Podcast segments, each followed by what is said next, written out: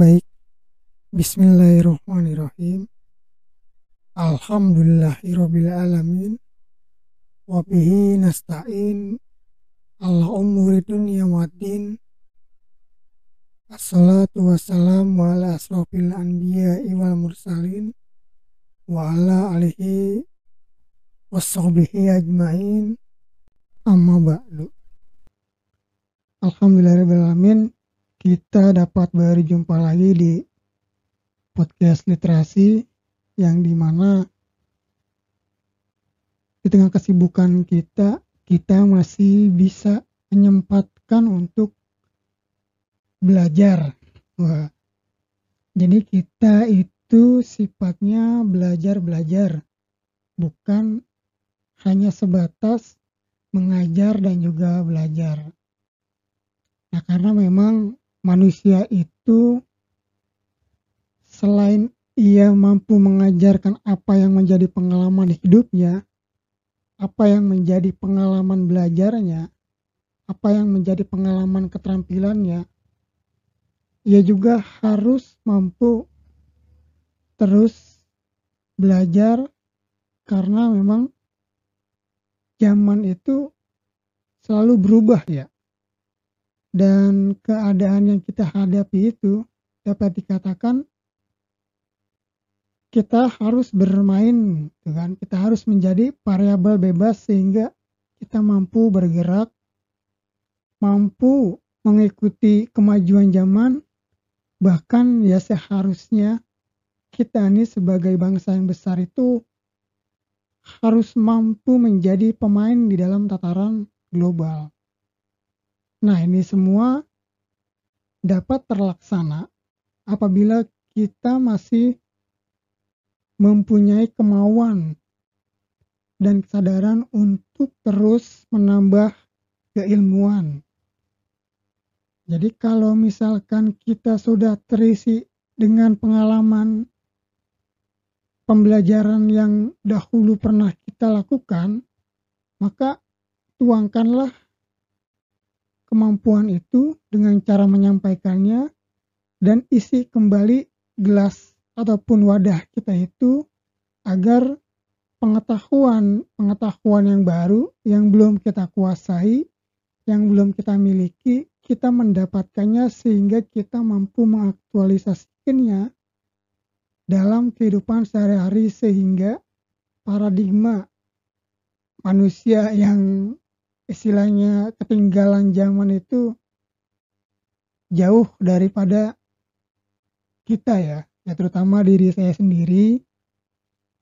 Nah, bismillah kita ini sifatnya belajar, jadi mungkin kalau misalkan di dalam penjelasan ini masih banyak kekurangan, itu mohon dimaafkan karena memang ya saya ini hanya manusia yang ingin terus belajar dan juga agar tidak lupa ingin menyampaikan juga seperti itu.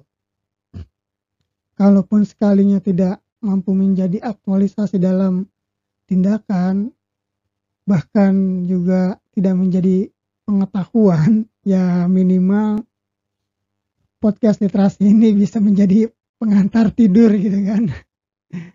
Oke. Bismillah. Jadi kita malam ini bertemu dengan salah satu pahlawan, wah, pahlawan nasional yaitu Raden Dewi Sartika.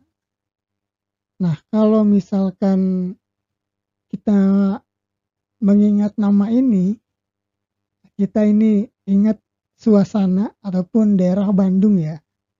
Karena memang ia semasa hidupnya itu ya tinggal di daerah Bandung. Dalam perjuangannya pun bahkan pada saat pelariannya itu ketika terjadi Bandung Lautan Api ya tidak jauh perginya seperti itu. Jadi saya ingin mulai dari apa sih itu pahlawan nasional? Tanggal 10 kemarin itu kan kita memperingatinya ya Jadi pahlawan nasional itu seseorang yang pada masa hidupnya karena terdodong oleh rasa cinta tanah air telah berjasa dengan memimpin suatu kegiatan yang teratur untuk menentang penjajahan di Indonesia, melawan musuh dari luar dengan turut bertempur di medan perang maupun melalui bidang politik, ketatanegaraan, sosial ekonomi, kebudayaan, atau ilmu pengetahuan yang erat hubungannya dengan kemerdekaan dan perkembangan Indonesia. Tidak mudah untuk menjadi pahlawan nasional pada waktu itu, nah, namun mereka yang mampu berpikir, bergerak, terus memimpin, serta membawa konsepsi-konsepsi dan juga konsistensi dalam perjuangannya, akhirnya ia pun diakui oleh masyarakat pada waktu itu bahkan sampai ketika ia wafat jasa-jasanya akan terus terkenang. Nah, inilah. Ia berjuang untuk kemerdekaan dan perkembangan bangsanya.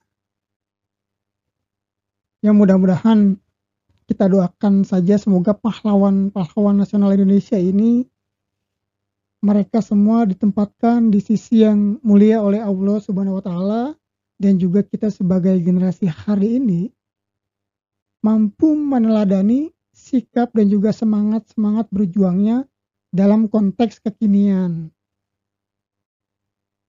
Sehingga apa ya, kemerdekaan ini akhirnya di saat zaman telah melewati masa-masa penjajahan, lalu awal kemerdekaan serta perkembangan dan Indonesia hari ini menjadi kategori negara maju, kita mampu mengoptimalkan dan mengisi kemerdekaan ini dengan hal-hal yang sifatnya bermakna.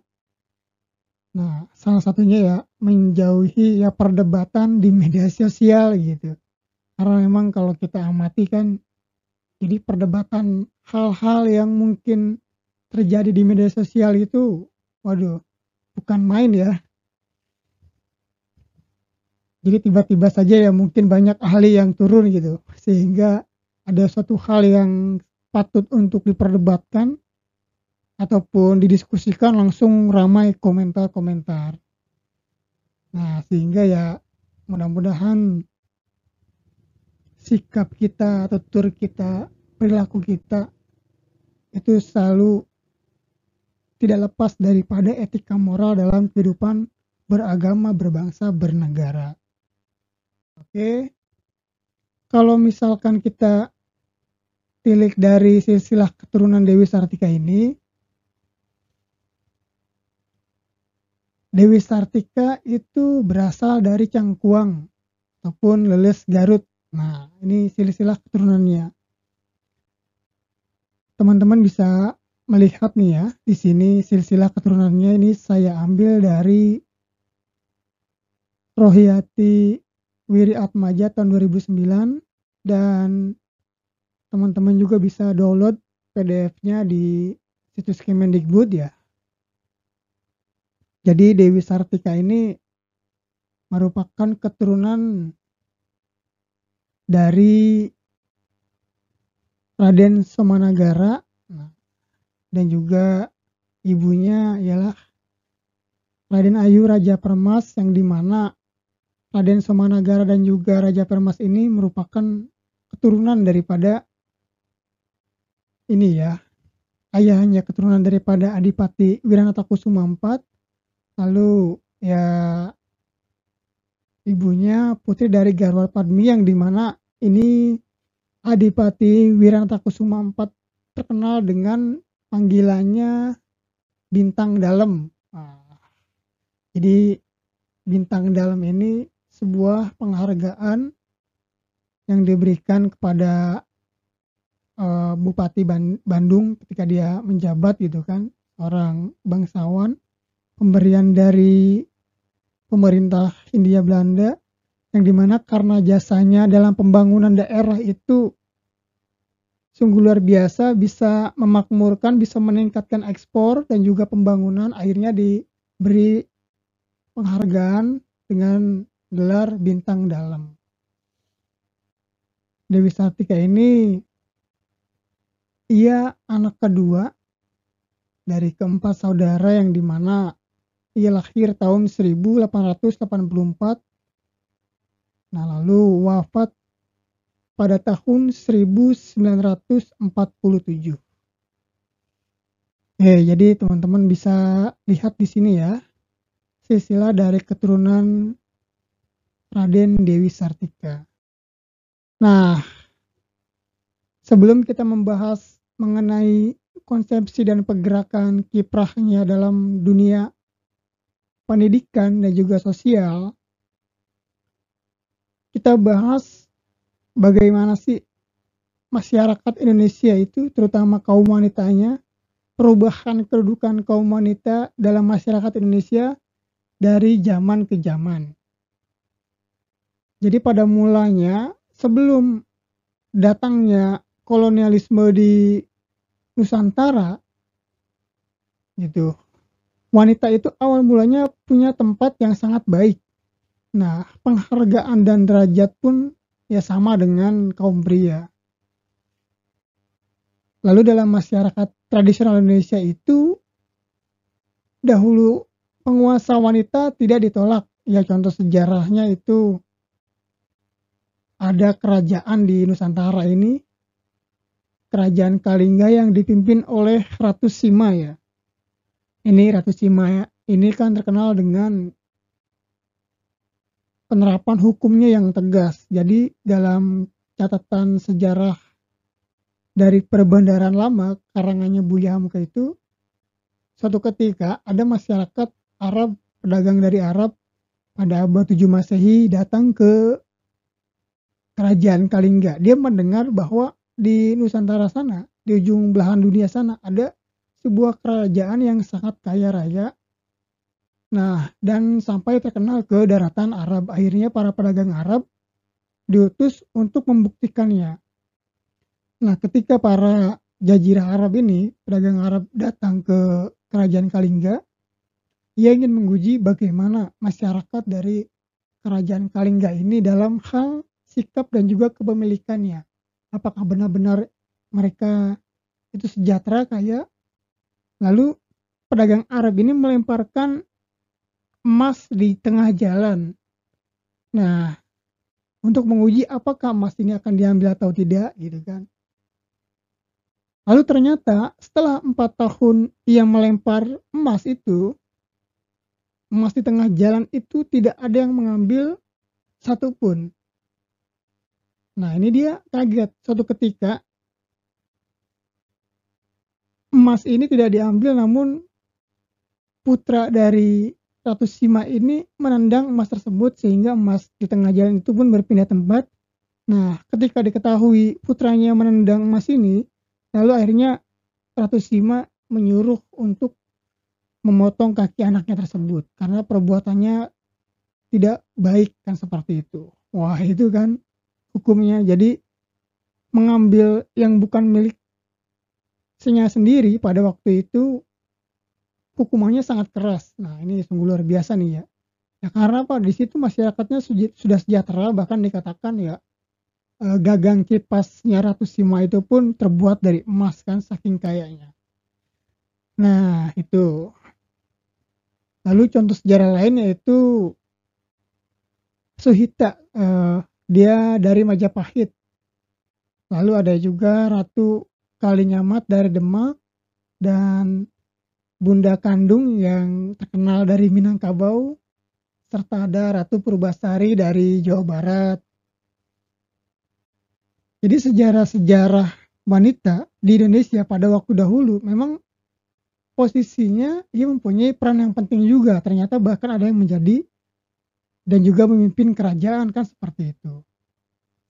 Nah, kemerosotan ini terjadi akibat adanya beberapa hal.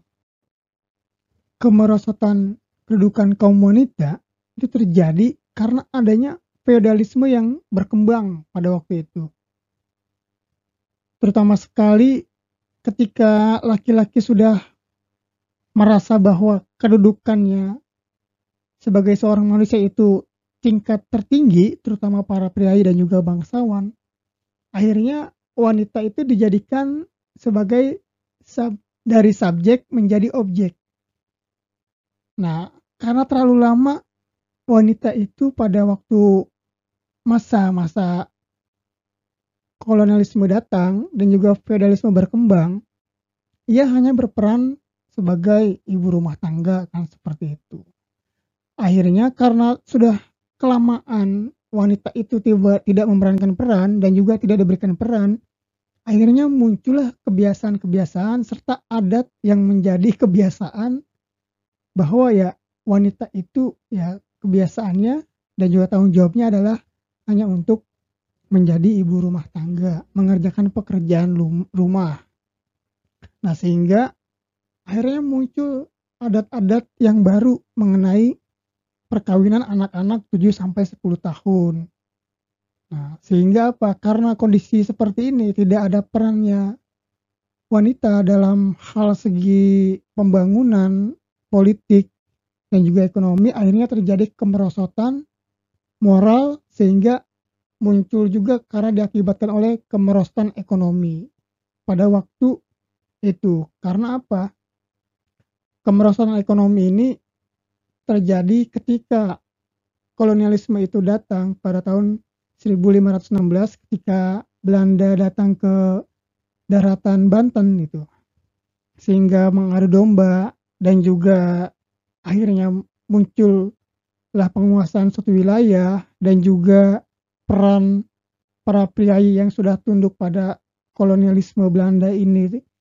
Ia memiliki peran ya nah dan ditunjuk sebagai selalu berperan. Akhirnya yaitulah wanita tidak memiliki peran sama sekali. Sehingga sangat hal yang menjadi diwajarkan pada waktu itu berpandangan bahwa setinggi apa pun perempuan belajar ia tidak akan bekerja gitu kan.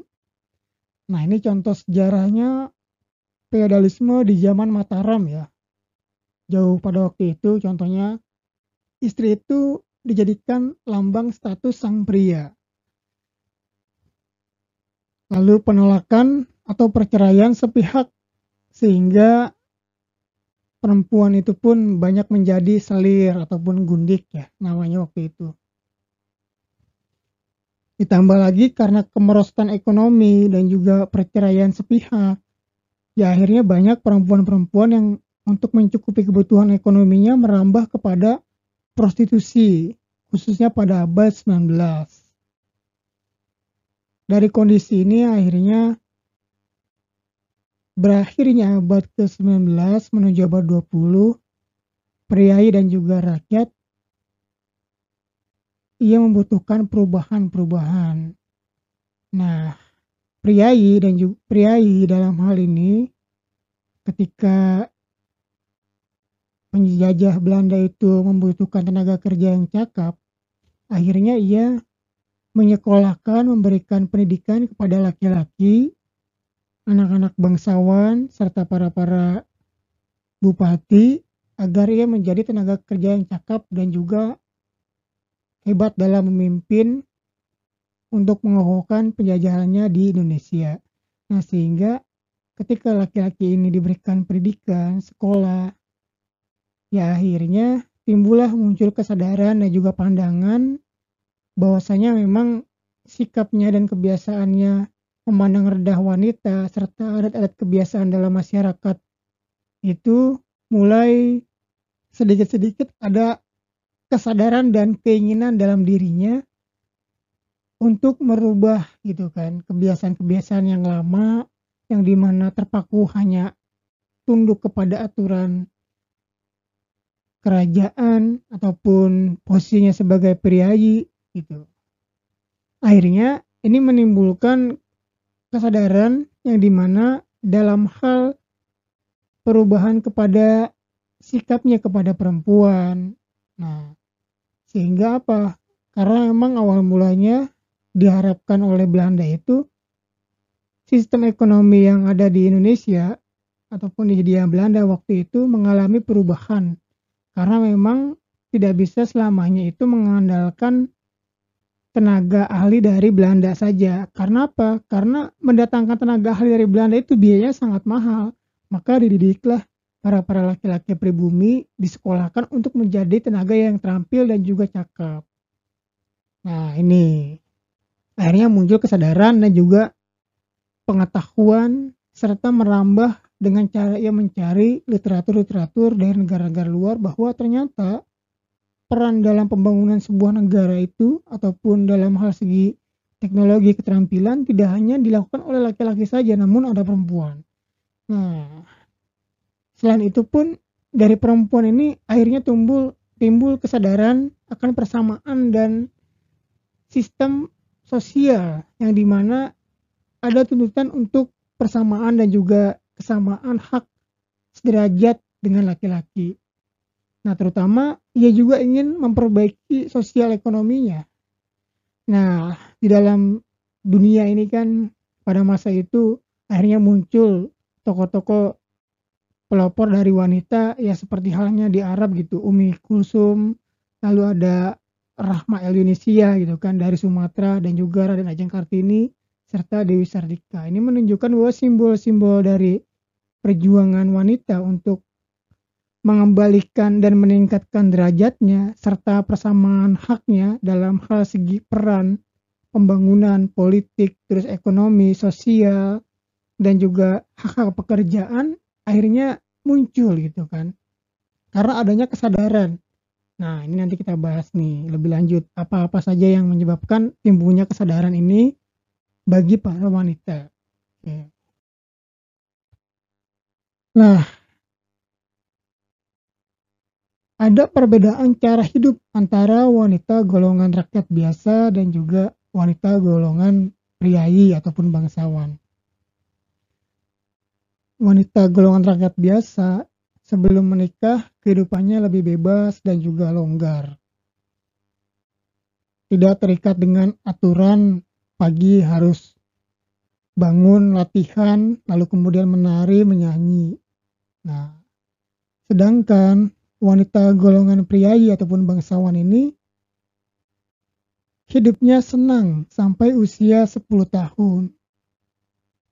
Lalu wanita dari golongan rakyat biasa, mereka itu sibuk mencari nafkah dengan keluarga.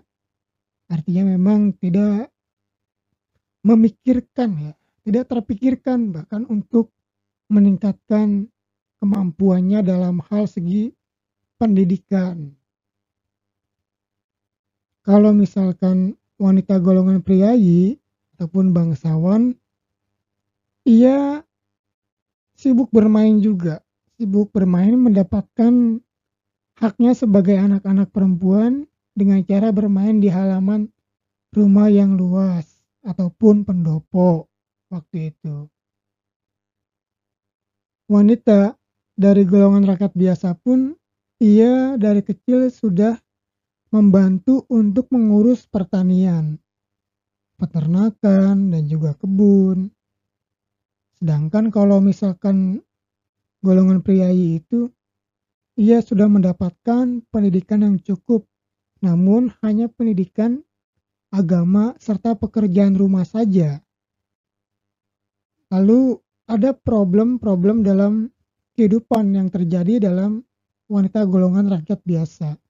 Salah satunya yaitu problem kesehatan. Kebiasaan makan tidak teratur, gizi kurang memenuhi syarat, serta sanitasi ataupun pengairan yang kurang bersih, dan cenderung melakukan pengobatan tradisional kepada dukun-dukun. Nah, inilah problem kesehatannya sehingga ya akhirnya mempengaruhi kemajuan otaknya gitu kan ya. Perkembangan otaknya yang seharusnya bisa dimaksimalkan daya nalarnya. Nah, ini justru malah menjadi terbelakang kan seperti itu. Selain itu pun di dalam golongan rakyat biasa ini terjadi problem sosial dan pendidikan yang di mana ia itu termiskinkan ya karena rakyat yang mempunyai lahan gitu ia harus memberikan 3 per 4 lahannya kepada Belanda ya karena kebijakan itu tadi kultur stelsel dan juga politik etis daripada Belanda kan seperti itu. Sehingga apa ini menyebabkan tidak mampunya untuk bersekolah.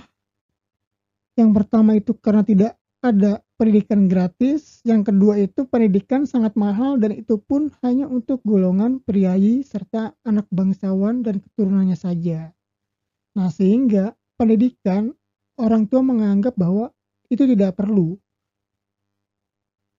Nah, akhirnya banyaklah yang dinikahkan muda gitu. Lalu kehidupan setelah menikah, anak-anak dari golongan rakyat biasa ini, ya kebebasannya itu berakhir. Dan kehidupannya itu hanya tertuju pada suami serta anak-anaknya. Nah, sedangkan wanita golongan priayi ataupun bangsawan memiliki alasan untuk menyekolahkan untuk tidak ya, untuk tidak menyekolahkan anak gadisnya.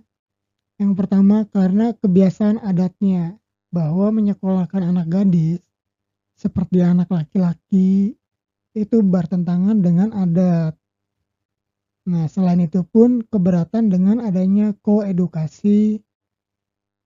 Nah, ia beranggapan bahwa gadis muda itu lebih banyak membantu urusan rumah.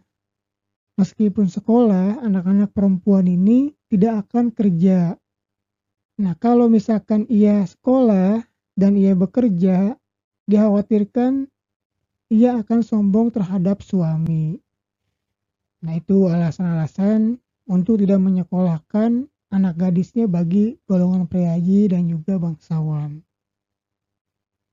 Lebih lanjut,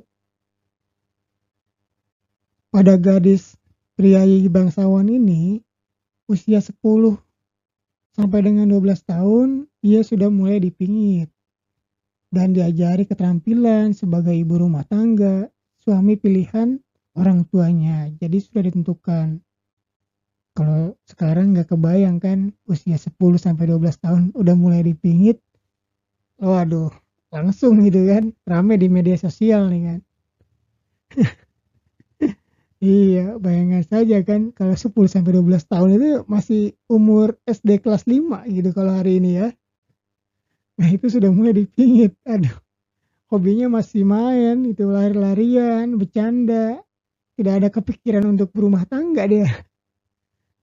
Nah, itu menunjukkan bahwa ya hari ini hakikatnya kodratnya anak itu mulai terpenuhi kan seperti itu. Serta adanya perlindungan dari orang tua dan juga negara terhadap anak-anak. Nah, kalau hari ini ya tidak ada tekanan untuk buru-buru menikah ya, bahkan mungkin di antara teman-teman yang sudah berumur 25 tahun lebih ada yang masih jomblo gitu kan belum menikah nah lalu kehidupan setelah menikah wanita dari golongan priayi ini ia fokus sebagai ibu rumah tangga nah dan bagi dirinya poligami di kalangan priayi itu sudah menjadi hal yang umum sehingga kadangkala wanita golongan priayi ini problemnya ialah sakit hati. Kalau misalkan wanita golongan rakyat biasa pada waktu itu problemnya masalah kesehatan, kurang gizi, lalu miskin gitu.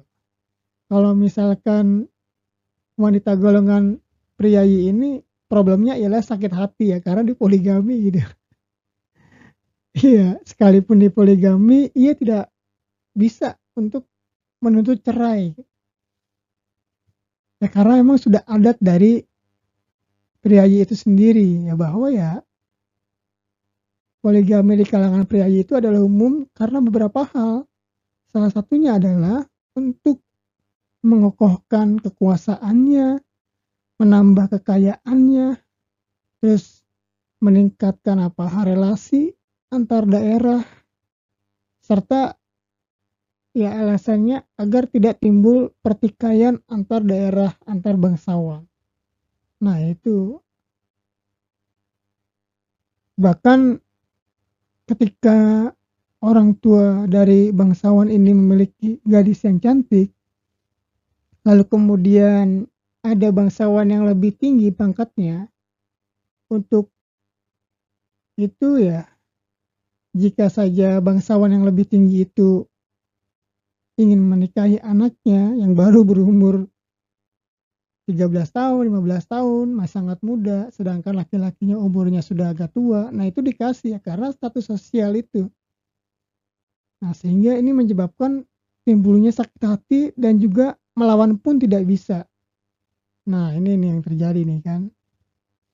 Ya akhirnya ya hanya tinggal di lingkungan rumah itu serta fokus kehidupannya untuk mempelajari bagaimana cara mengerjakan pekerjaan rumah.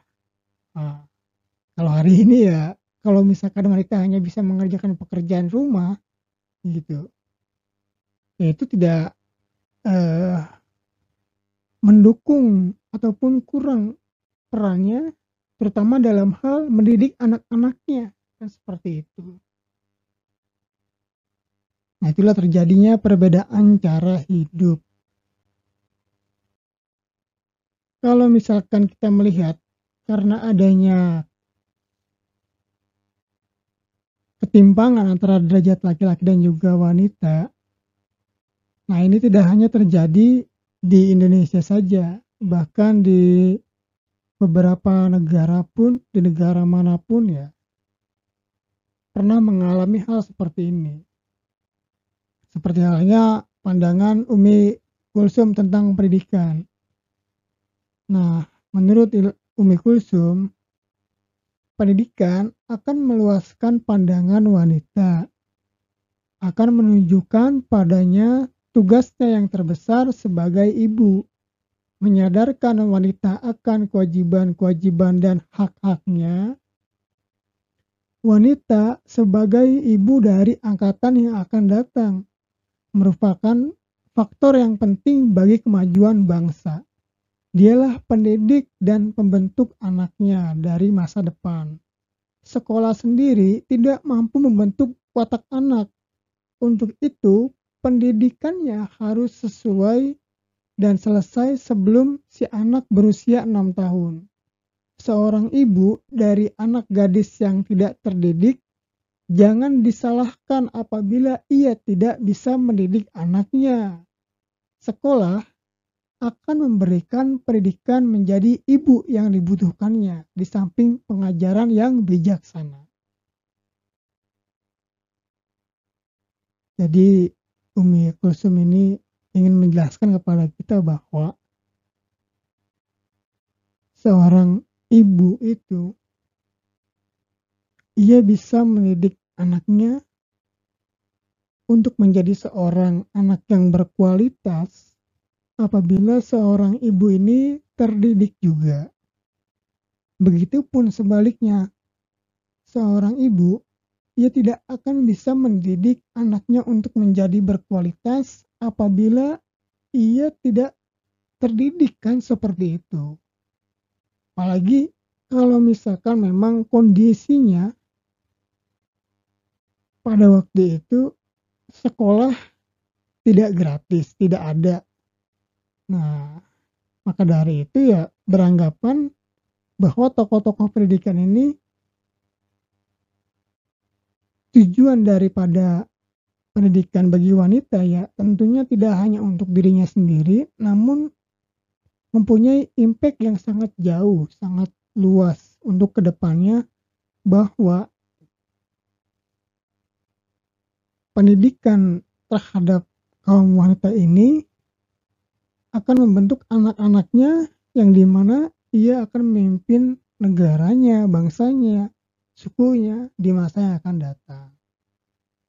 Wah, jadi sangat penting ya pendidikan bagi perempuan ini. Makanya jangankan hari ini kita mencari calon-calon bagi laki-laki ya, calon wanita yang terdidik. Bahkan para priayi bangsawan pada zaman-zamannya Dewi Sartika remaja gitu. Itu para priayinya sudah mulai mencari wanita yang memang terdidik. Nah, selain ia ingin mampu memiliki wawasan yang luas dan juga mampu mengelola kehidupan berumah tangga, pada waktu itu yang menjadi besar peluangnya adalah karena status sosial wanita yang terdidik itu sangat jarang, sehingga ketika ia mendapatkan wanita yang terdidik bisa membaca dan saling berbaras surat surat gitu kan, itu menjadi kebanggaannya. Nah Lalu ada pandangan dari Rahmah El-Yunisiah tentang pendidikan. Dari Sumatera nih ya. Nah, menurut Rahmah El-Yunisiah tentang pendidikan, masyarakat bisa baik melalui rumah tangga. Sebab rumah tangga adalah tiang masyarakat dan masyarakat tiang negara. Sebab itu, ia menginginkan setiap wanita menjadi ibu yang baik dalam rumah tangga, menjadi ibu yang baik dalam masyarakat, dan menjadi ibu guru yang baik dalam sekolah. Maksud ini akan dapat dicapai kalau kaum wanita mendapat pendidikan khusus dengan sistem pendidikan tersendiri Cita-citanya adalah memperbaiki kedudukan wanita melalui pendidikan modern berdasarkan agama. Salah satu cara untuk mengangkat derajat kaum wanita adalah melalui pendidikan. Derajat kaum wanita tidak dapat diserahkan kepada orang lain untuk mengangkatnya. Ia harus dilakukan oleh kaum wanita itu sendiri. Mendidik wanita berarti mendidik seluruh manusia. Jadi ada benarnya juga nih ya. Bahwa mendidik wanita itu berarti mendidik seluruh wanita. Jadi ya kalau kita sering baca-baca ini tuh apa uh, dari kutipan-kutipan di medsos gitu kan mengenai wanita ataupun dalam orang Jawa bilangnya wanito ya wani ditoto eh, wanita wani ditata gitu kan. Maksudnya ya mungkin bahwa pendidikan bagi wanita itu sangat penting ya karena orang yang paling dekat dengan anak adalah wanita itu sendiri. Sehingga kalau misalkan wanita itu memiliki pendidikan dan kecerdasan serta keterampilan yang banyak, maka itu akan menjadi energi serta pupuk untuk anaknya dalam hal pengembangan pengetahuan. Nah, ini bagaimana seorang anak itu kalau kita anggap sebagai wadah gitu kan, ia harus banyak diisi oleh air yang jernih. Harus diisi oleh mineral gitu kan air-air yang jernih sehingga anak ini tumbuh tidak hanya jasmaninya saja namun pendidikan intelektual dan juga rohani itu harus diberikan juga. Kalau misalkan wanita ini dalam hal segi rohani, moral, intelektualnya tidak dibina, tidak dididik dan tidak terdidik, maka tentu kalau ibarat wadah ia memasukkan airnya itu ya airnya tidak jernih kualitas airnya berbeda kan seperti itu. Nah maka kualitas yang ditanamkan ke anaknya sebagai seorang ibu pun berbeda. Yang seharusnya ia mampu mengajarkan dengan kasih sayang dengan metode pengajaran sesuai dengan perkembangan anak dan dengan keteladanan serta pengetahuan-pengetahuan skill dan juga tata bahasa yang baik, ya maka anak ini tumbuh tidak menjadi pribadi yang baik kan seperti itu. Maka betul sekali mendidik seorang wanita berarti mendidik seluruh umat manusia karena memang pada dasarnya seluruh manusia itu sudah pasti pernah dididik oleh ibunya. Maka ada istilah bahasa ibu. Nah, karena dia orang yang melahirkan seperti itu maka khususnya mungkin bagi para wanita gitu kan. Ya alhamdulillah hari ini kalian semua bisa merasakan pendidikan bahkan gratis ya kalau di sekolah-sekolah negeri bu itu. Kecuali kalau kuliah ya mengeluarkan biaya kan. Nah tentu itu tidak menjadi masalah ya kan. Yang menjadi masalah itu adalah ketika semangat dan kemauan untuk melaksanakan dan belajar di tingkat perguruan tinggi itu berkurang. Nah itu yang repot nih. Ataupun permasalahannya ketika ya dua-duanya sih tidak hanya perempuan tapi laki-laki juga. Permasalahannya ketika kita kuliah itu orientasinya adalah untuk mendapatkan ijazah agar dapat bekerja enak. Nah itu permasalahannya. Sehingga kadang-kala kita terdidik namun tidak tercerahkan wah kalau kata Pak Anhar Gonggongan seperti itu nah jadi kita harus terdidik dan juga tercerahkan sehingga apa yang menjadi pengetahuan kita itu dapat dipertanggungjawabkan dalam tindakan moral-moral yang baik. Wah, luar biasa nih ya. Oke, pandangan Dewi Sartika menurutnya mengenai moral. Nah, apa yang dibutuhkan pada umumnya untuk meningkatkan moral dan intelektual wanita pribumi? Menurut pendapat saya sederhana. Wanita dalam hal ini tidak banyak berbeda banyak dari kaum laki-laki. Dia juga untuk pendidikan yang baik harus disekolahkan dengan baik pula. Pengembangan pengetahuan akan berpengaruh terhadap moral wanita pribumi. Ini sudah sangat jelas ya bahwa ketika ada kemauan untuk sekolah, maka dia akan menjadi tahu. Nah, ketika akan menjadi tahu, maka dia akan menjadi apa? terbiasa melakukannya. Ketika ia terbiasa, maka dia akan dalam tahapannya ikhlas. Nah, ikhlas inilah ketika ia mampu melaksanakannya dalam tindakan-tindakan moral sesuai dengan apa yang diketahui. Nah, bahwa berkata di hadapan anak kecil itu tidak boleh berkata yang kasar-kasar karena itu akan ditiru dan kebiasaan berkata kasar di depan anak kecil maka itu akan membentuk karakter anak itu menjadi anak yang keras dalam hal berbicara. Nah, terus pertengkaran dalam rumah tangga itu tidak boleh diperlihatkan kepada anak-anak karena apa? Ketika anak-anak melihat pertengkaran, maka otomatis tersimpan dalam memorinya sehingga ketika ia mempunyai adik, nah ketika ia marah, ia melampiaskannya seperti halnya pertengkaran dengan orang tuanya. Wah, ini jadi pengetahuan itu sangat berpengaruh juga ya terhadap moral memang. Makanya kalau kata Thomas Likona itu sebelum tindakan moral ada pengetahuan moral gitu. Ada sikap moral serta ada tindakan moral. Nah, kita sudah tahu mana yang baik, mana yang benar. Nah, kemauan kita menyikapi satu permasalahan itu maunya seperti apa?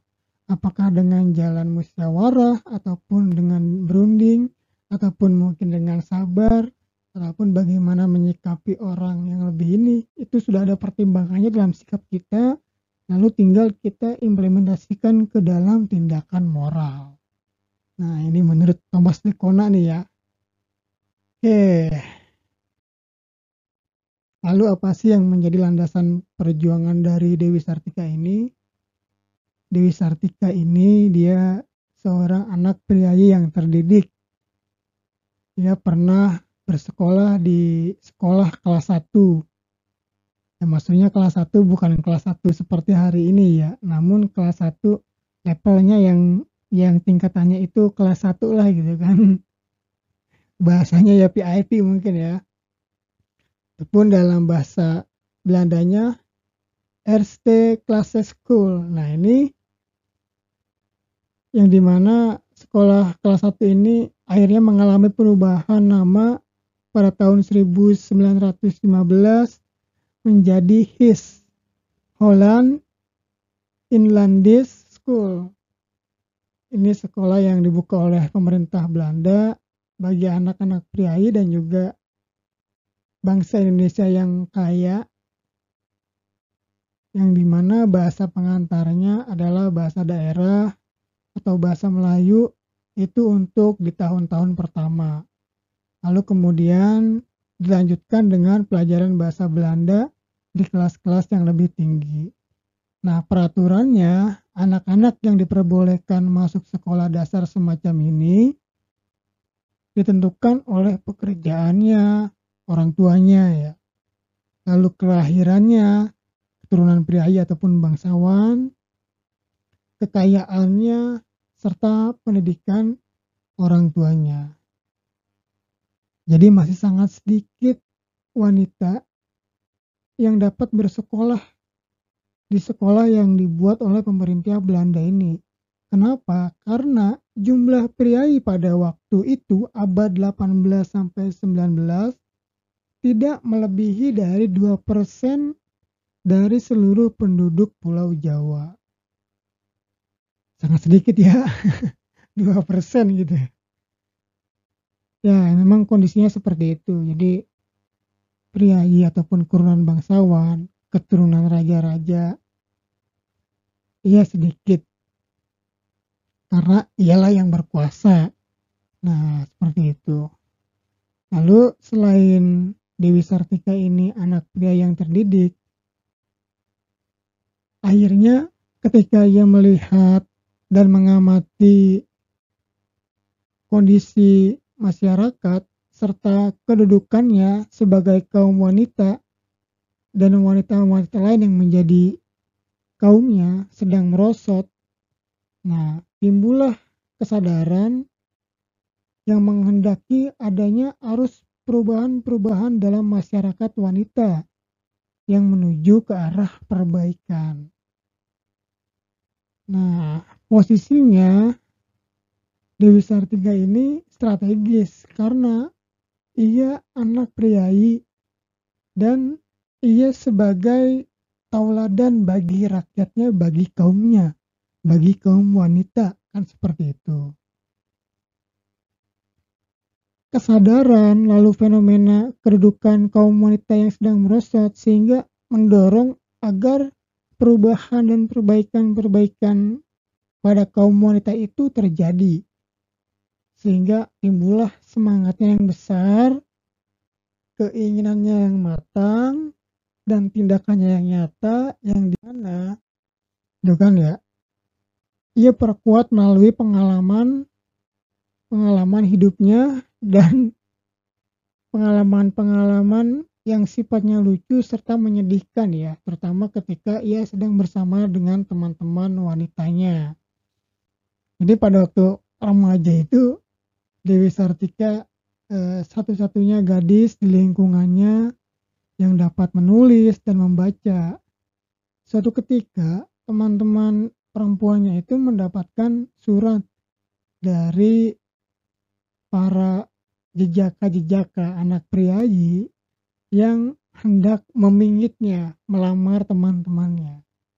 Nah, dikirimlah surat kepada teman-teman Dewi Sartika ini dari para jejaka itu.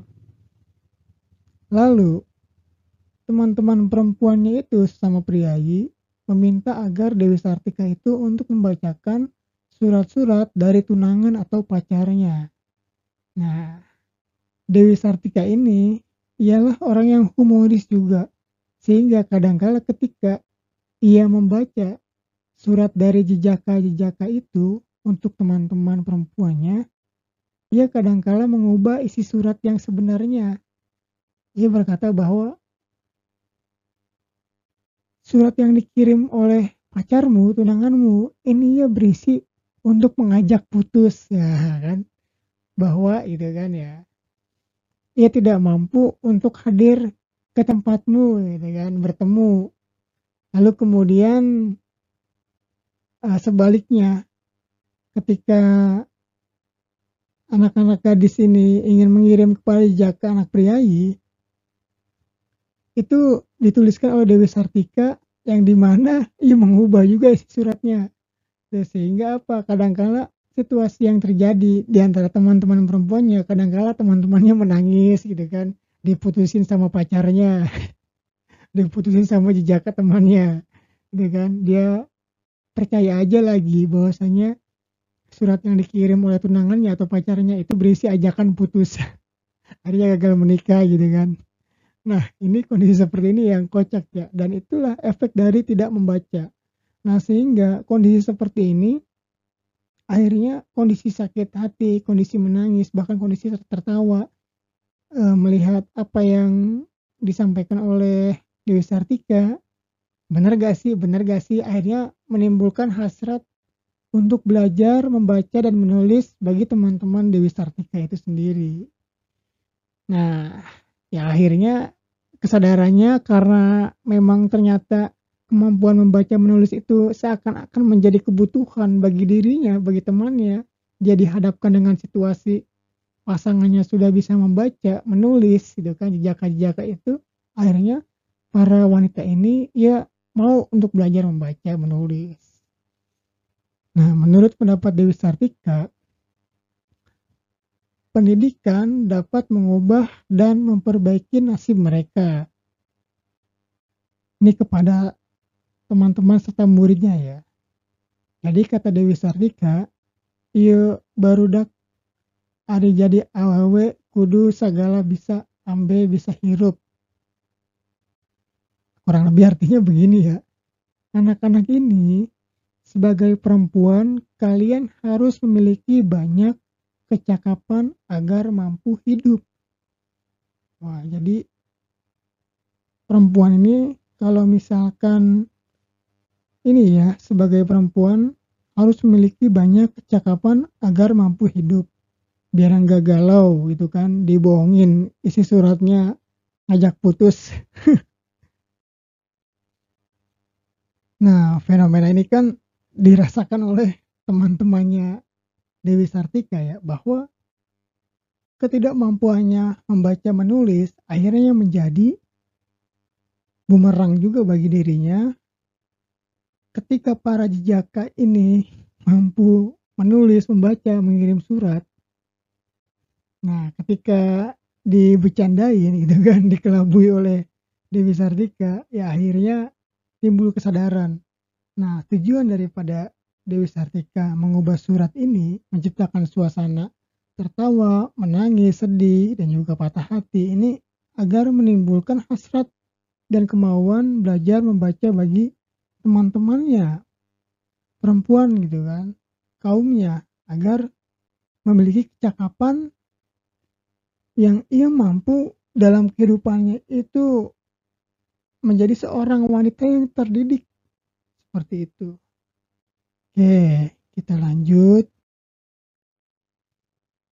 Akhirnya, karena keberaniannya, kemauannya tadi, Dewi Sartika memberanikan diri menghadap Bupati Martanegara. Ini Bupati Bandung tahun 1893 sampai dengan 1918.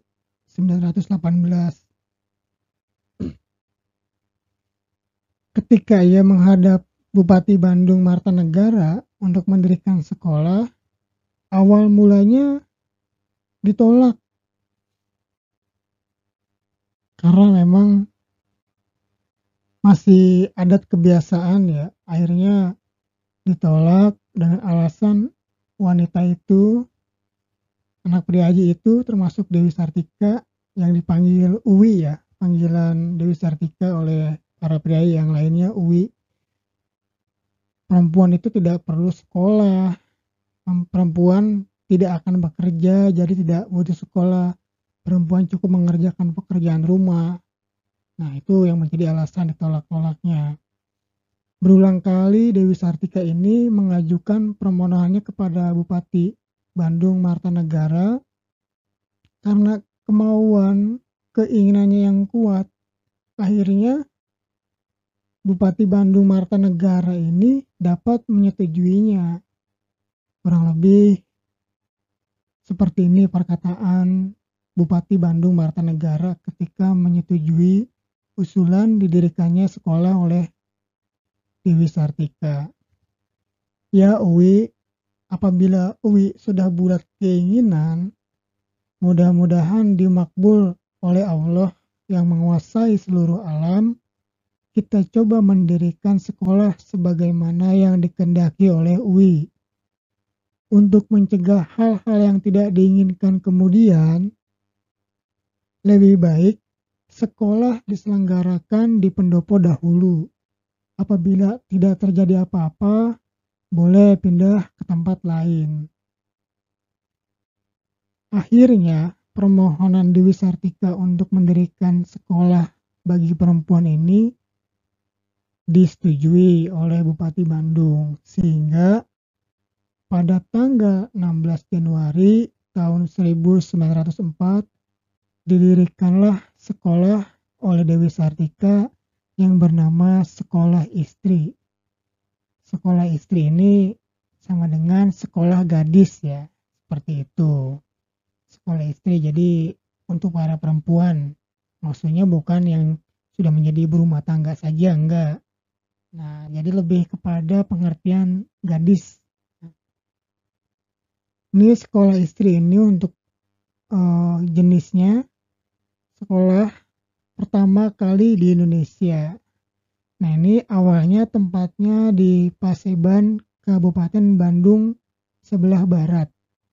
Pada awalnya terdiri hanya dua kelas dengan 20 murid dan tiga orang pengajar di antaranya pengajarnya yaitu Dewi Sartika, Ibu Purma, dan Ibu Uwit luar biasa akhirnya keinginannya yang berangkat dari fenomena dari latar belakangnya seorang terdidik lalu kemudian keinginan kemauan ia laksanakan dalam tindakan membentuk sekolah istri untuk para perempuan para gadis. Oke ketika sekolah istri ini sudah terbentuk dia punya murid 20 orang. Pengajarannya masih tiga ya tapi ini prestasi yang luar biasa nih kan nah sekolah istri ini memiliki prinsip pendidikan yaitu sekolahnya akan terbuka bagi siapa saja yang membutuhkannya. Muridnya terdiri dari gadis-gadis yang berasal dari keluarga biasa ataupun tidak mampu serta pegawai-pegawai di kantor di Kabupaten Bandung yang berpenghasilan rendah saja. Karena memang pada waktu itu sekolah Belanda ya sudah ada juga ya. Jadi ini dikhususkan untuk ini ya bagi siapa saja yang membutuhkan. Nah awalnya sambutan masyarakat terhadap sekolah istri yang didirikan oleh Dewi Sartika ini ia awalnya mendapat kecaman, cemoohan yang mengatakan bahwa ini melanggar adat kebangsawanan dari kalangan priayi wanita. Yang menambah kecaman, cemoohan itu dari kaum wanita juga ya, termasuk ya. Ini katanya melanggar adat kebangsawanan.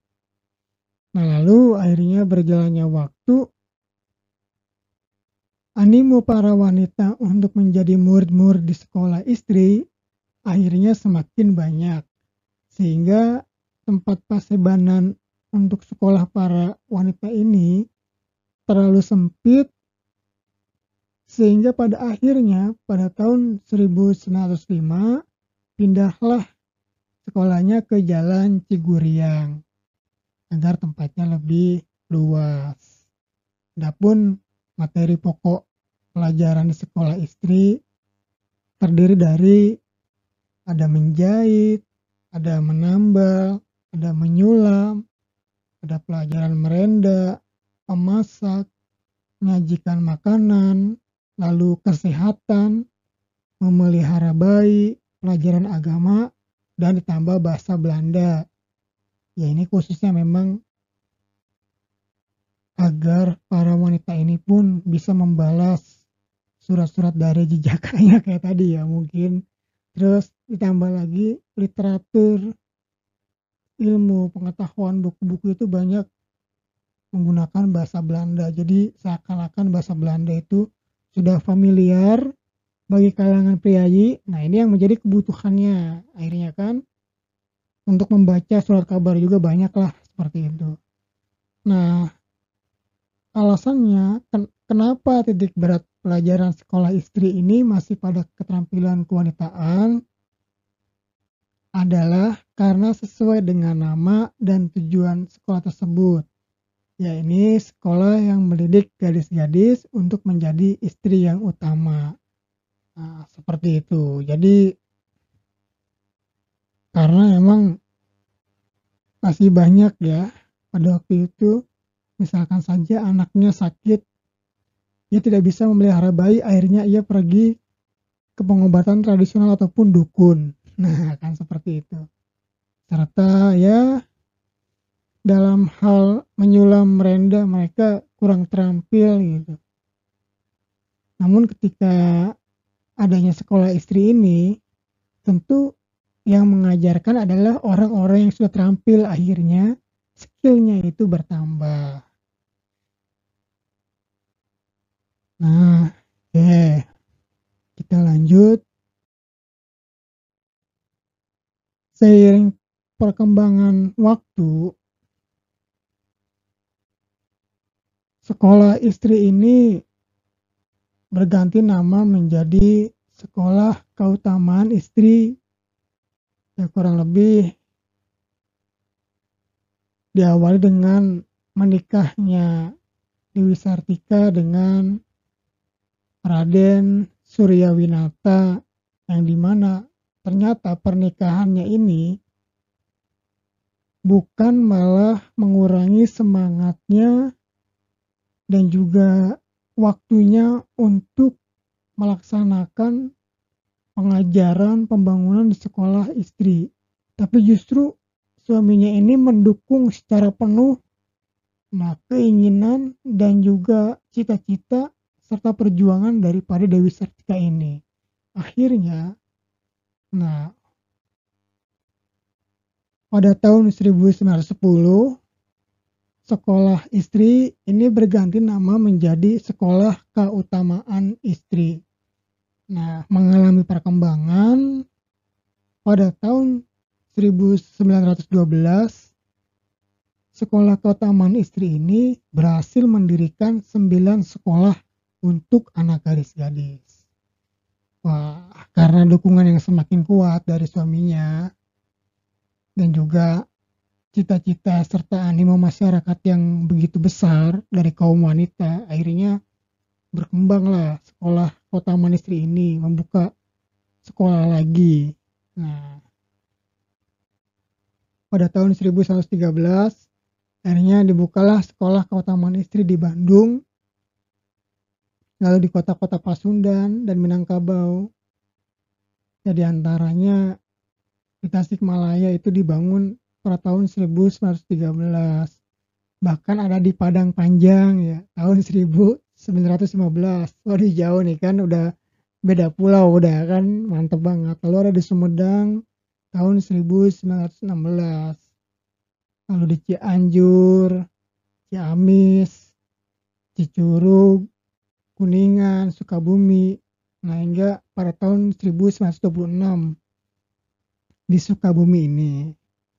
Nah berdasarkan data laporan sekolah keutamaan istri pada tahun 1913 mengenai pendidikan wanita gitu kan di khususnya daerah-daerah Jawa Madura entah itu di sekolah di kota Manistri ataupun sekolah-sekolah yang didirikan oleh Belanda negeri dikatakan bahwa anak-anak gadis yang sekolah di sekolah-sekolah pemerintah untuk penduduk pribumi di Jawa dan Madura sekitar 8.081 orang.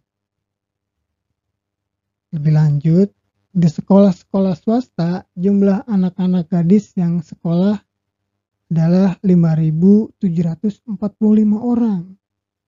Nah, jadi jumlah seluruhnya dari tahun 1907 ketika awal mula sekolah istri itu berdiri sampai tahun 1913 itu total mencapai 20.000 orang wanita pribumi yang bersekolah.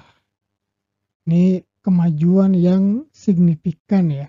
Jadi pergerakannya di bidang pendidikan itu akhirnya memicu para-para wanita itu melek akan pendidikan, sadar akan pendidikan.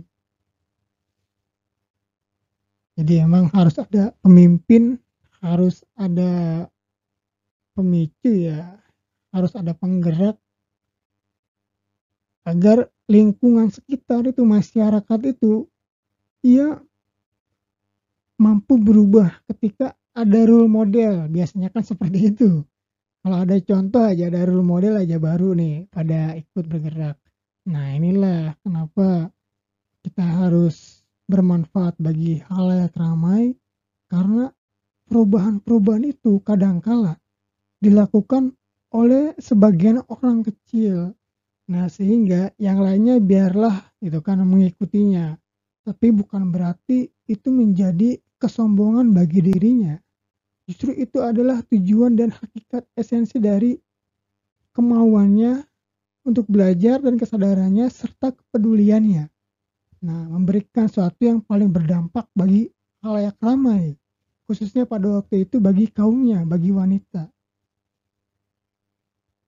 Ya, kita ini mungkin hari ini kalau kita mau refleksikan masih banyak kekurangan-kekurangan kita dalam pengabdian masyarakat. Contohnya saja ya, dari apa yang kita telah teliti gitu kan di kampus-kampus ketika lulus sarjana nah itu kadangkala hanya sampai pada meja persidangan kelulusan saja nah bayangkan kalau misalkan dari hasil penelitian itu lalu diimplementasikan langsung ke dalam masyarakat. Setiap satu penelitian kalau ada seribu penelitian ya mungkin ada seribu masalah yang dapat kita bantu penyelesaiannya.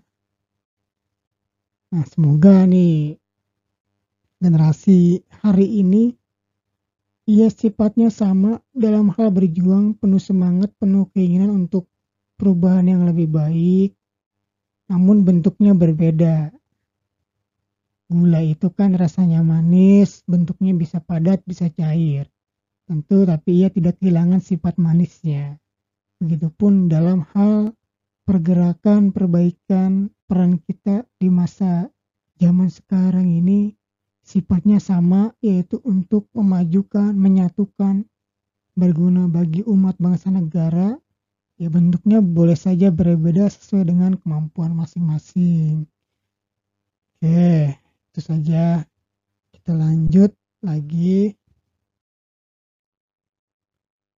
Setelah proses pendidikan dengan apa yang tadi diajarkan nah ini bagaimana sih perayaan kelulusan dan kenaikan kelasnya? Jadi perayaan kelulusan dan kenaikan kelasnya ternyata meriah ya sekolah keutamaan istri itu yang pertama perayaannya diadakan menjelang bulan puasa. Nah ini dihadiri oleh orang tua, tamu undangan, dan pejabat ataupun para priayi. Serta di sini ditunjukkan juga kepandaian siswa di antaranya seperti pameran kerajinan, sandiwara, ataupun tonil ya, ataupun drama, lalu hasil merendanya, menyulamnya, ditampilkan tari-tarian, gambar, menjahit, masakan, nyanyian, dan juga keterampilan membatik, serta menyulam dan masih banyak hal-hal lainnya, termasuk hasil masakan para murid ke taman istri ini disajikan untuk para tamu-tamu. Jadi ya mungkin kalau misalkan generasi milenial ketika sekolah dasar itu masih merasakan disuruh masak oleh gurunya terutama kelas 4 sampai kelas 6 ya. Setahun sekali disuruh masak oleh gurunya lalu masakannya ini dicicipi oleh guru-gurunya. Nah itu mungkin terinspirasi dari kebiasaan-kebiasaan ini juga ya karena saya sekolah ini kan waktu SD di Jawa Barat jadi saya pernah punya pengalaman waktu SD itu dibuat kelompok. Dalam satu kelas itu terdiri dari lima kelompok. Setiap kelompok itu masak di sekolah. Bawa kompor itu bawa nasi bawa ayam kita masak dibantu oleh anak-anak perempuan. Nah kita yang laki-laki motongin semangka buah dan segala macam hasil masakannya itu kita sajikan, kita atur mejanya yang rapi, lalu para guru-guru datang ke kelas kita untuk menyicipi makanan kita. Nah ini salah satu keterampilan juga, kepandaian juga yang mungkin hari ini keterampilan ini nggak tahu ya saya saya melihat nih jadi keterampilan dalam hal segi memasaknya untuk anak-anak SD sekarang ini berkurang. Yang paling disuruh buat minuman aja itu kan jus ataupun apa namun dalam hal segi masakan menyalakan kompor dan segala macamnya sampai ayam goreng itu matang kayaknya kurang gitu ya.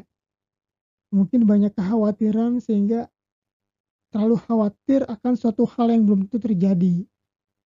Nah, itu. Lalu tamatan sekolah keutamaan istri ini sebagian besar melanjutkan pelajarannya ke sekolah-sekolah seperti halnya juru rawat ataupun perawat, lalu ia menjadi bidan, serta sekolah untuk calon guru, yaitu kalau calon guru ke sekolah Pandeventer ya.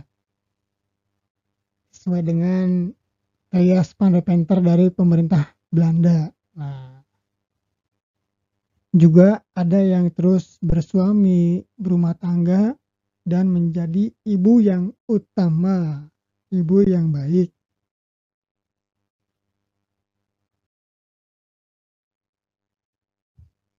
Jadi kalau misalkan kita amati ya meningkatnya jumlah pengunjung sekolah di kalangan wanita kemungkinan besar disebabkan motif-motifnya di antaranya karena pendidikan itu membuka jalan bagi anak-anak gadis agar hidupnya itu lebih terarah.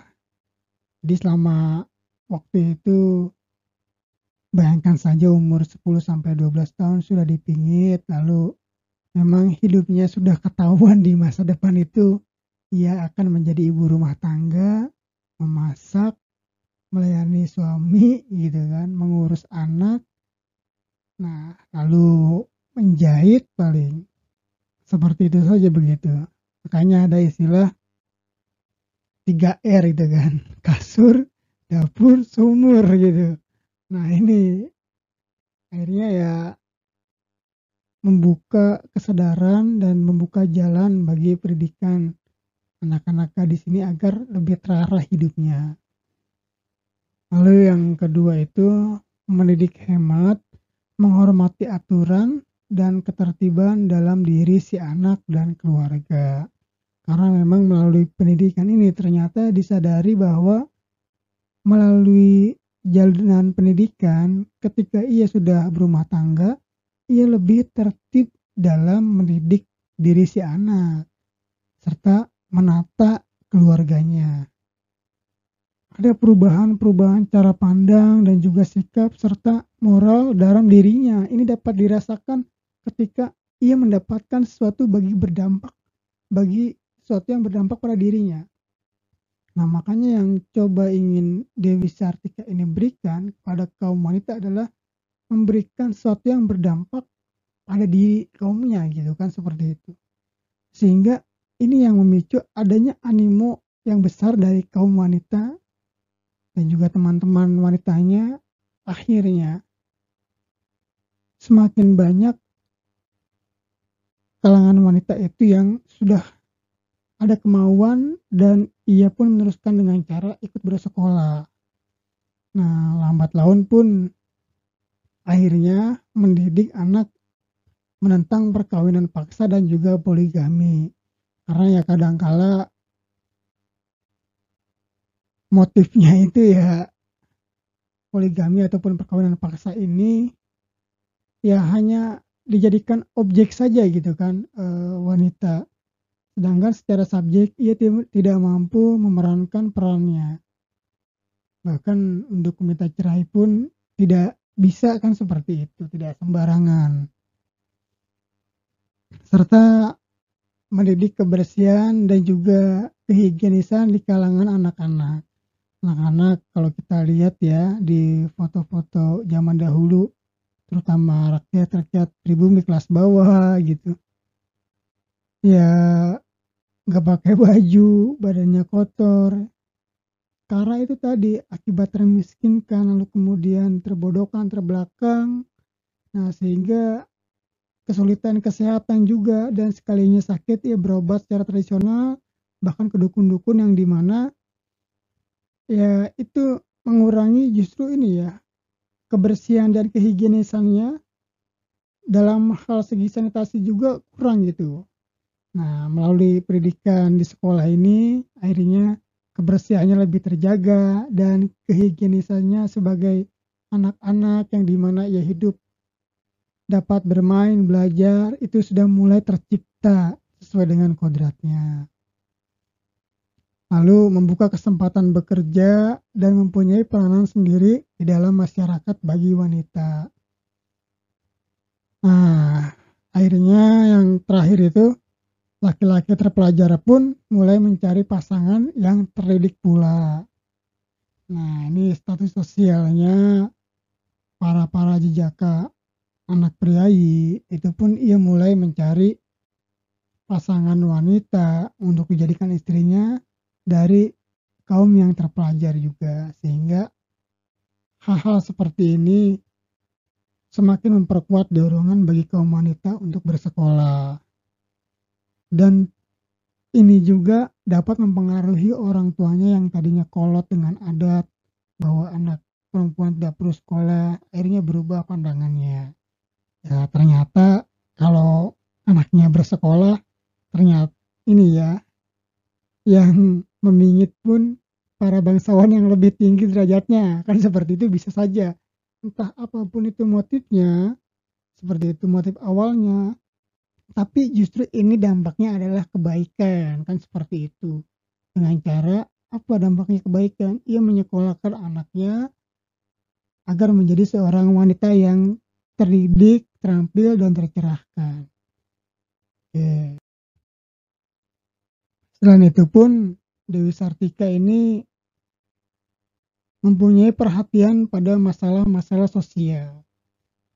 Hal ini dibuktikan pada tahun 1911 Dewi Sartika menghadiri undangan dari Syarikat Islam untuk memberikan ceramah tentang pendidikan wanita. Ada tiga poin yang menjadi pembahasannya yaitu yang pertama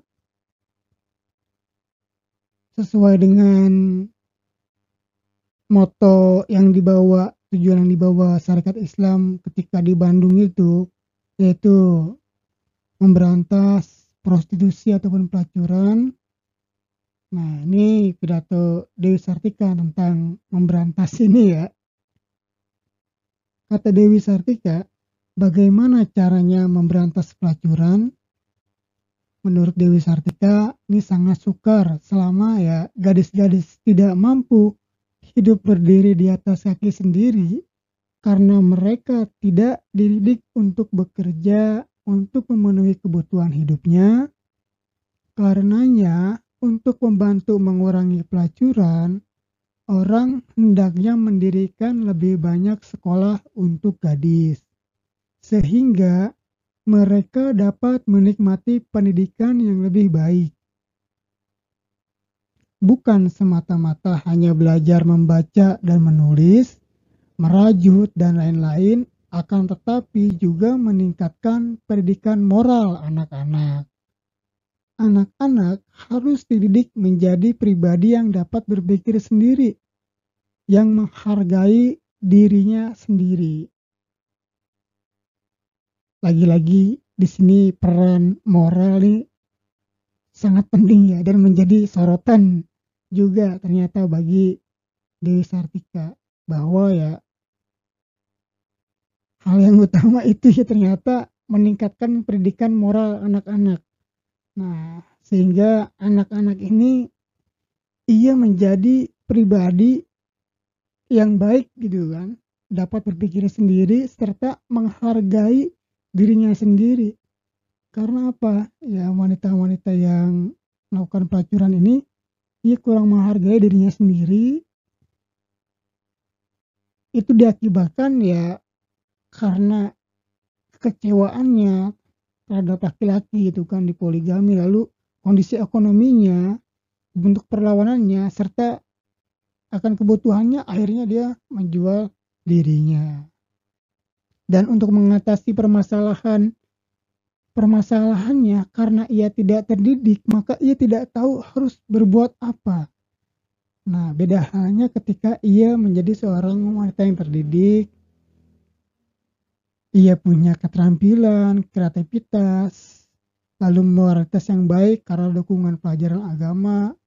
Nah, sehingga ia untuk bertanya kepada orang lain yang baik, kemudian untuk berjuang dalam hal pemenuhan ekonominya, tahu ilmunya, akhirnya jalannya sebagai wanita itu bukan terjun ke pelacuran, tapi justru ke kreativitas untuk mencukupi kebutuhan ekonominya.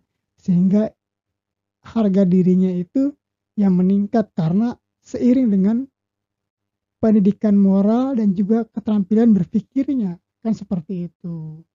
Akhirnya terjagalah ia dari perbuatan-perbuatan yang tercela. Lalu poin yang kedua itu perhatiannya terhadap lapangan kerja bagi wanita, Dewi Sartika mengatakan dalam pidatonya, tidak adanya kesempatan pendidikan kejuruan yang luas bagi wanita menyebabkan terdesaknya wanita ke lapangan-lapangan pekerjaan yang kurang dihargai. Seperti bekerja sebagai kuli di pabrik-pabrik atau perkebunan. Seringkali pekerjaan-pekerjaan wanita ini diberi upah yang lebih rendah daripada pekerja laki-laki.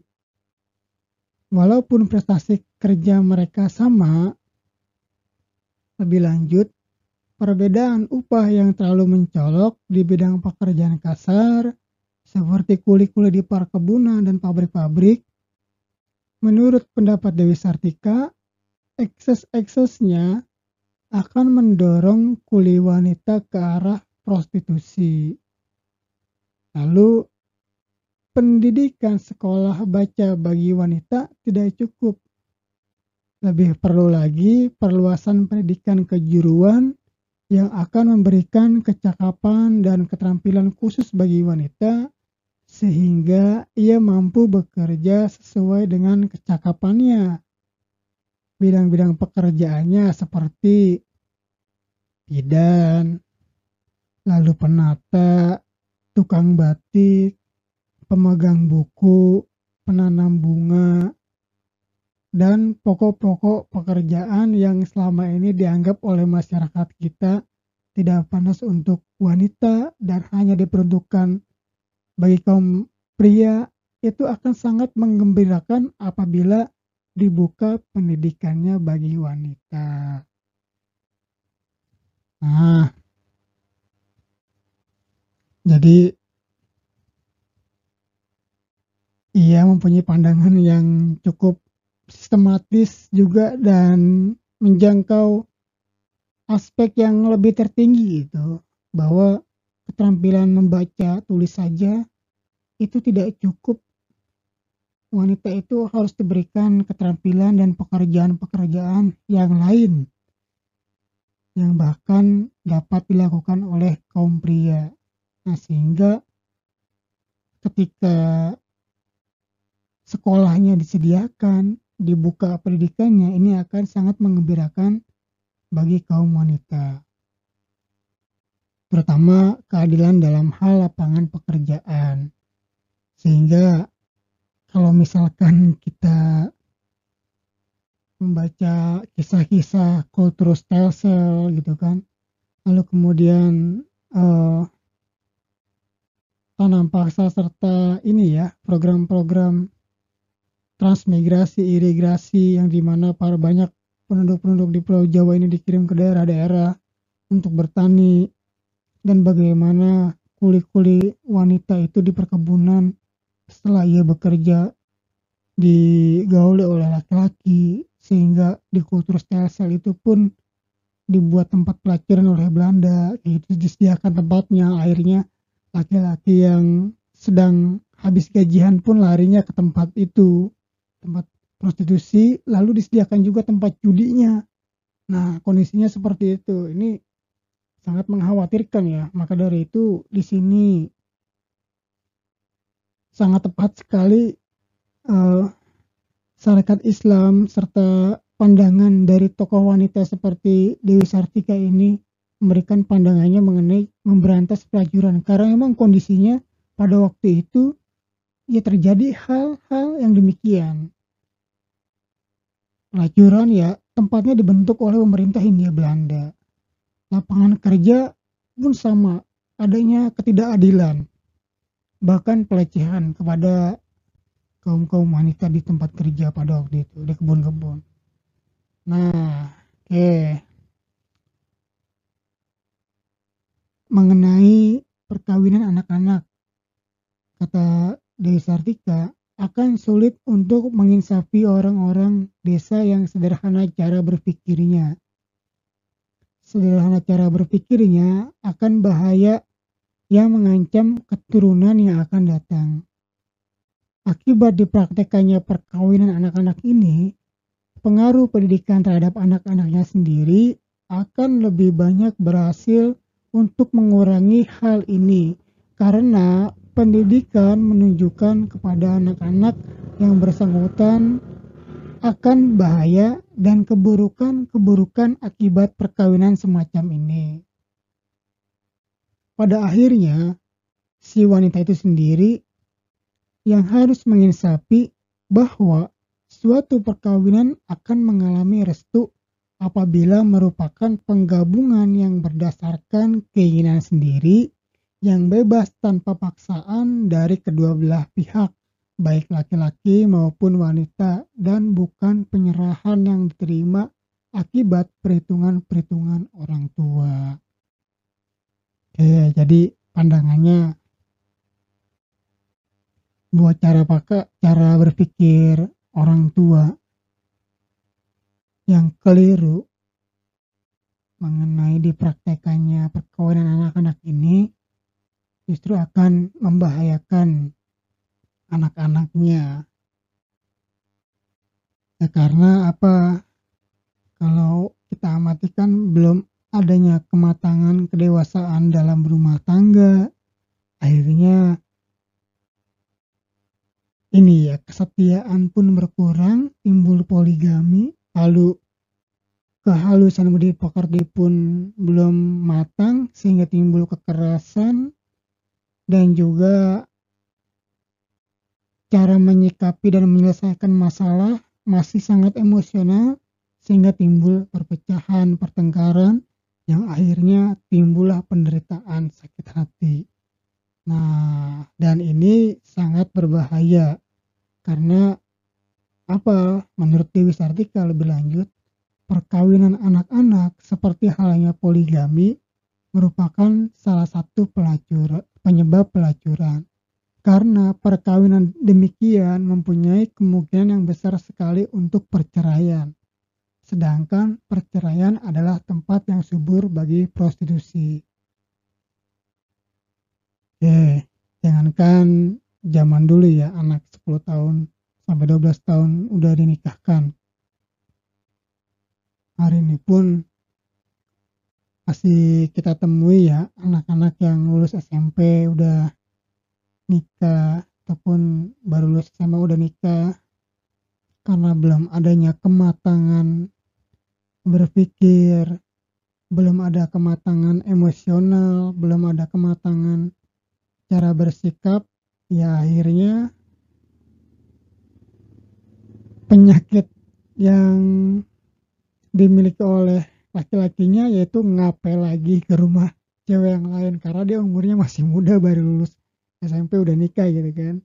Terus masih sering ngumpul sama teman-temannya. Lalu si perempuannya istrinya pun sama umurnya masih baru lulus SMP akhirnya dia cemburu terus berantem. Nah terus seperti itu terus serta tanggung jawab untuk memenuhi kebutuhan ekonomi pun masih sedikit nah akhirnya ya secara rasa kasih sayang pun kurang secara kebutuhan ekonomi masih bergantung kepada orang tuanya, kematangan emosi belum tumbuh dan juga terbentuk, akhirnya timbul perceraian. Nah, ketika timbul perceraian, otomatis ya yang perempuannya yang sangat dirugikan. Nah, sehingga ya akhirnya berdampak dan mendekati itu tadi kepada prostitusi. Makanya dia berpendapat Dewi Sartika ini perkawinan anak-anak ini adalah apa ya salah satu penyebab kemungkinan besar untuk perceraian. Sedangkan perceraian adalah tempat yang subur bagi prostitusi. Nah, ia pun merekomendasikan bahwa itu kan ya. Ya, anak-anak itu harus diberikan pendidikan Nah, sehingga ia tahu akan bahaya keburukan-keburukan ya, akibat perkawinan anak-anak ini. Dia tahu mana yang baik yang benar. Nah, akhirnya si wanita itu ataupun laki-laki itu ya ia eh, menginsapi menyadari suatu perkawinan ini akan mengalami restu apabila eh, itu didasarkan oleh keinginan sendiri yang bebas tanpa paksaan dari kedua belah pihak. Nah, baik laki-laki maupun uh, wanitanya. Nah, bukan hanya sebatas kemauan orang tuanya saja yang anaknya baru berumur belasan tahun itu kan 11 12 itu kan sudah dikawinkan. Oke, tuh. Inilah permasalahan sosial yang menjadi perhatian dari Dewi Sartika.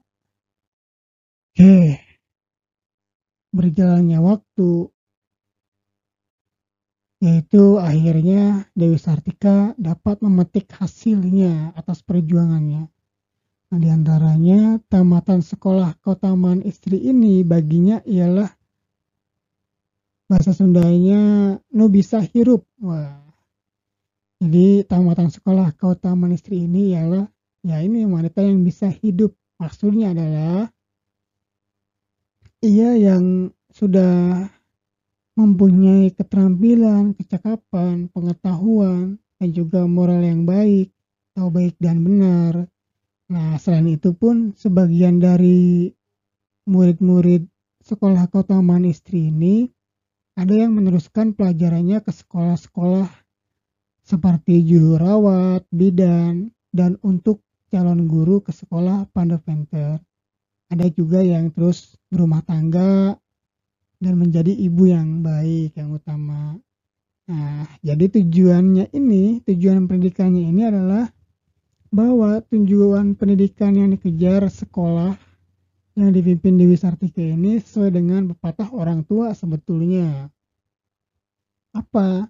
Dewi Sartika mengatakan pada kelahiran anak apakah seorang anak laki-laki atau seorang anak perempuan, orang dahulu hanya menyatakan satu keinginan. Semoga anak itu cager bager. Nah, ini tujuan pendidikannya adalah cager bager. Jadi dia kembali ke pepatah orang tua. Maksudnya sehat dan baik ya. cager bager itu artinya sehat dan baik cager itu sehat e, bebas dari segala penyakit maksudnya bager itu baik jujur Nah, dua kata ini yang dipergunakan nenek moyang kita untuk menyatakan keinginan agar anak itu mendapat segala sesuatu yang baik. Sehat jasmani dan rohani gitu kan.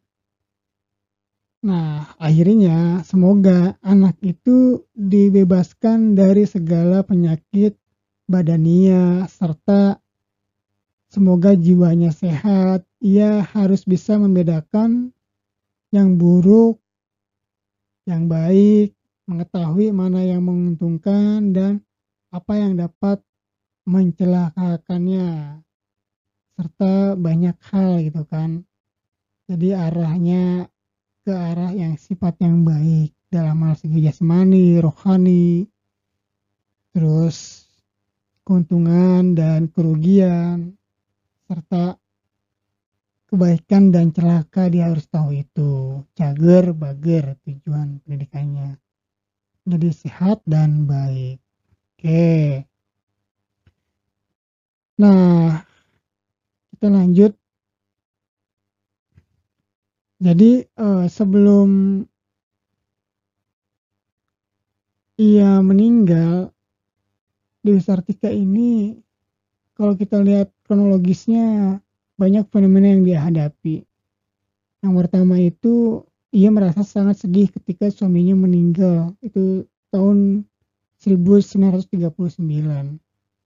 Nah, lalu pada masa itu juga terjadi Perang Dunia Kedua yang di mana akhirnya pemerintah Belanda ditaklukkan sehingga berdampak kepada sekolah keutamaan istri yang di mana namanya dirubah menjadi sekolah rakyat. Gadis ya. Namanya dirubah dari sekolah keutamaan istri menjadi masa uh, sekolah rakyat gadis. Itu dikasih nomor ya nomor 29 gitu kan. Sekolah rakyat gadis nomor 29 oleh pemerintah Jepang. Lalu kemudian karena adanya peristiwa Bandung Lautan Api pada tanggal 26 Maret tahun 1946 akhirnya Dewi Sartika mengungsi ke Ciparai Bandung hingga tahun 1947 Nah, karena stres, trauma, terjadi berbagai macam peristiwa, suaminya meninggal, pecah perang dunia kedua, lalu pendudukan Jepang serta peristiwa Bandung Lautan Api. Akhirnya ya timbul penyakit, penyakit yaitu salah satunya penyakit diabetesnya kambuh. Nah, akhirnya pada masa ini ya, pengungsian ini pun Dewi Sartika meninggalkan dunia yang fana ini. Waduh ia meninggalkan dunia yang fana ini, ia pulang kembali ke rahmatullah pada hari Kamis tanggal 9, tanggal 11 September tahun 1947 pada pukul 9 di tengah-tengah keluarga di rumah sakit Cineam. Ini Dewi Sertika wafat dalam usia 63 tahun. Nah, kita tahu bahwa Dewi Sartika ini merupakan pelopor dalam pendidikan bagi kaum wanita. Ia meninggal sudah melihat tanah air dan bangsanya berhasil memproklamasikan kemerdekaannya. Akan tetapi, ia masih sedang berjuang untuk mempertahankan kemerdekaan tersebut dari Belanda yang ingin kembali berkuasa di negeri ini. Karena memang pada tahun 47 itu Indonesia sedang mempertahankan kemerdekaan ketika Jepang kalah gitu kan pas kita awal-awal merdeka tuh sebelum merdeka masih di tahun yang sama 45 lalu kemudian tentara sekutu pun kembali lagi ke Indonesia nah ini luar biasa nih jadi seakan-akan menjadi pesan juga ya. Dia ingin mengantarkan para wanita ini sebelum merdeka sudah sadar akan pendidikan. Dan setelah itu pun masih mempertahankan dan juga masih berjuang kan seperti itu. Ini luar biasa nih. Oke. Lalu kemudian ada penghargaan-penghargaan yang didapatkan oleh Dewi, Serti, Dewi Sartika yaitu pada tahun 1922 jauh sebelum kemerdekaan Nah, ini pada masa-masa sekolah Kota Manistri sedang jaya ya. Pemerintah Hindia Belanda itu menganugerahkan bintang perak kepada Raden Dewi Sartika sebagai penghargaan atas jasa-jasanya bagi pendidikan anak-anak gadis. Lalu pada upacara peringatan 30 tahun berdirinya sekolah Raden Dewi Sartika, ini ia mendapatkan bintang emas dari pemerintah sebagai penghargaan atas jasa-jasa yang telah dilakukannya bagi masyarakat. Naik level ya dari bintang ini perak ke bintang emas dikasih. Nah bintang emas ini berarti penghargaan yang lebih tinggi daripada bintang perak yang telah diperoleh Dewi Sartika pada tahun 1922. Ini seperti halnya ini ya uh, Raden Wiranata Kusuma IV eh, dapat penghargaan bintang. Nah, pada tahun 1966 Dewi Sartika mendapatkan penghargaan juga sebagai pahlawan kemerdekaan nasional berdasarkan surat Presiden Republik Indonesia nomor 252 tertanggal 1 Desember 1966 dengan ditandatangani langsung oleh Presiden Soekarno. Masya Allah, luar biasa nih. Ia seorang wanita yang tangguh dan juga sangat berjasa. Jadi salah satu alasan saya membahas ini pun ya, pertama kan mungkin saya kurang ini ya dulu sewaktu masih kuliah atau sekolah kurang banyak mendengar mengenai kisah-kisah serta sejarah dan alasan apa sih yang diberikan oleh pemerintah nah, oleh Presiden Soekarno ini menjadikan ia sebagai pahlawan kemerdekaan nasional. Nah, setelah mengkajinya, oh ternyata seperti ini alasannya banyak jasa-jasa yang dia perjuangkan seperti itu yang di mana mampu menginspirasi dan menjadi toladan bagi kaum kaum wanita di Indonesia. Oke, mungkin cukup sekian. Sebelum saya tutup, ada satu quotes dari Raden Dewi Sartika nih. Nah, ini khususnya untuk semuanya lah, tapi untuk perempuan juga gitu ya. Pendidikan bukan semata-mata hanya belajar, membaca dan menulis, merajut, dan lain-lain. Akan tetapi juga meningkatkan pendidikan moral anak-anak. Anak harus dididik menjadi pribadi yang dapat berpikir sendiri, yang menghargai dirinya. Oke, alhamdulillah. Jadi mungkin cukup sekian untuk pembahasan kali ini semoga dapat bermanfaat ya kalau misalkan ada kurang-kurang saya mohon maaf karena keterbatasan tapi ya mudah-mudahan kita masih mau belajar. Sekian dari saya. Milai bisa bilhak Wassalamualaikum warahmatullahi wabarakatuh